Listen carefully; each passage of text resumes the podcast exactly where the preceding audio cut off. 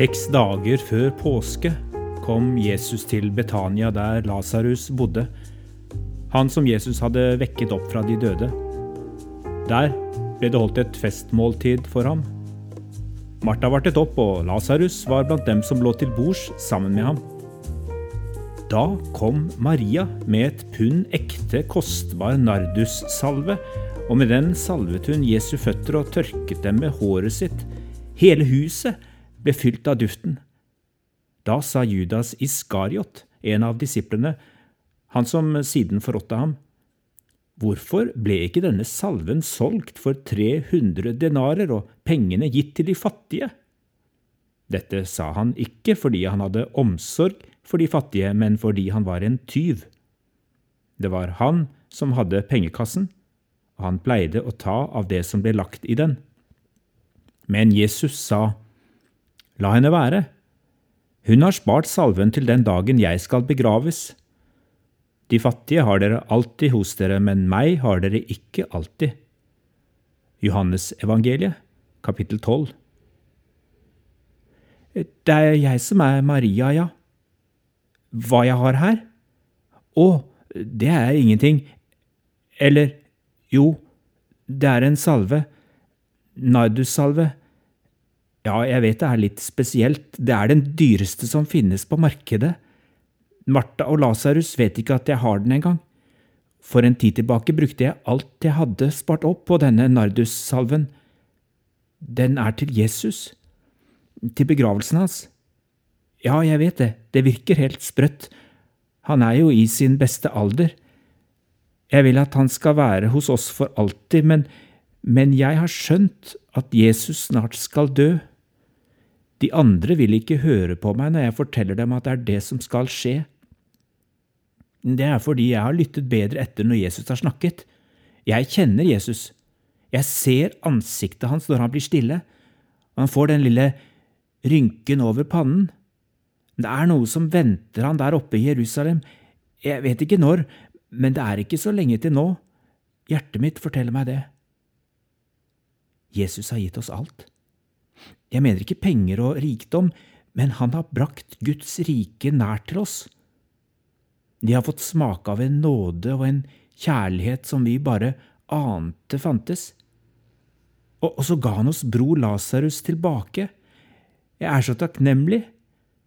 Så jeg ville kjøpe det aller mest verdifulle jeg kunne komme på, og det var denne nardussalven. Nå er han her og jeg har funnet fram denne nardussalven, og jeg forstår ikke helt hvorfor.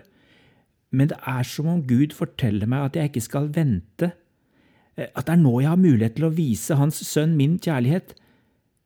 Jeg skal ikke vente til alt har skjedd, jeg skal ikke vente til den ukjente fortellingen begynner. Jeg vil vise ham hvor høyt jeg elsker han nå, mens jeg har han her hos meg. Og jeg bryr meg ikke om hva folk kommer til å si eller tenke at jeg sløser med penger, at jeg mangler respekt som kommer inn med dette og avbryter samtalen. Ja, det blir i så fall ikke første gang mennene syns jeg tar for stor plass rundt bordet. Det er dem som mener jeg burde vise større respekt og ikke gå nær Jesus i det hele tatt. Men han er min frelser og bestevenn. Folk får tenke hva de vil.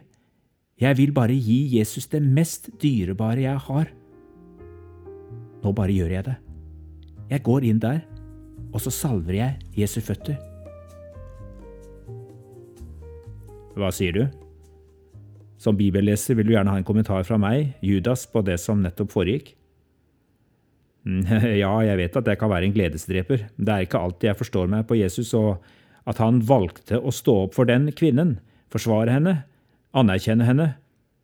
Ja, hun som kom inn her og gjorde seg til foran ham og sløste med dyrebar nardussalve. Så bortkastede penger. Så bortkastet tid.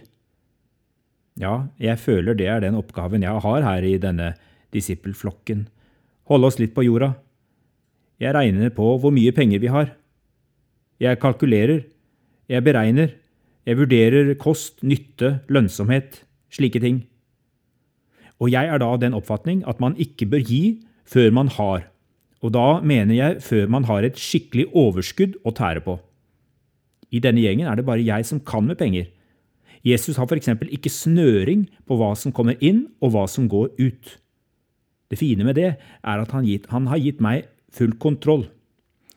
Og fordi jeg tror verken Jesus eller de andre disiplene bryr seg om å forvalte pengene, har jeg også tatt meg den frihet å legge litt til side til fornuftig bruk. At det er å stjele, sier du? Å nei, jeg ville da ikke bruke et så sterkt uttrykk. Aktiv forvaltning, til alles beste, vil jeg si. Jeg passer på at vi ikke sløser for mye på folk som ikke gir oss noe tilbake. Her sliter og strever vi rundt Jesus hele dagen, noen av oss. At ingen av de andre bryr seg om å utnytte situasjonen til å sikre sin egen framtid, det får være deres sak. Men jeg må altså tenke på meg selv og bruke det hodet jeg har fått tildelt. Ja, jeg sa at vi burde ha gitt pengene for salven til de fattige. Jeg tenkte det var en smart uttalelse.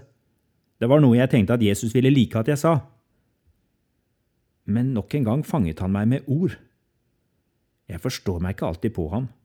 Han kan være så uberegnelig. Han sa, La Maria være, hun har spart salven til den dagen jeg skal begraves. De fattige har dere alltid hos dere, men meg har dere ikke alltid. La oss be.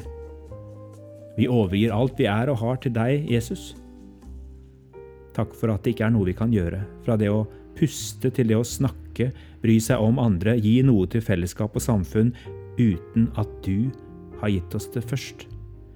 Vi lever og ånder ved din nåde og skaperkraft. Bring til stillhet de stemmene i oss og rundt oss som vil begrense raushet og godheten imellom oss, som er redd for at det gode skal ta slutt når vi deler det med andre. Ha en velsignet dag der du er.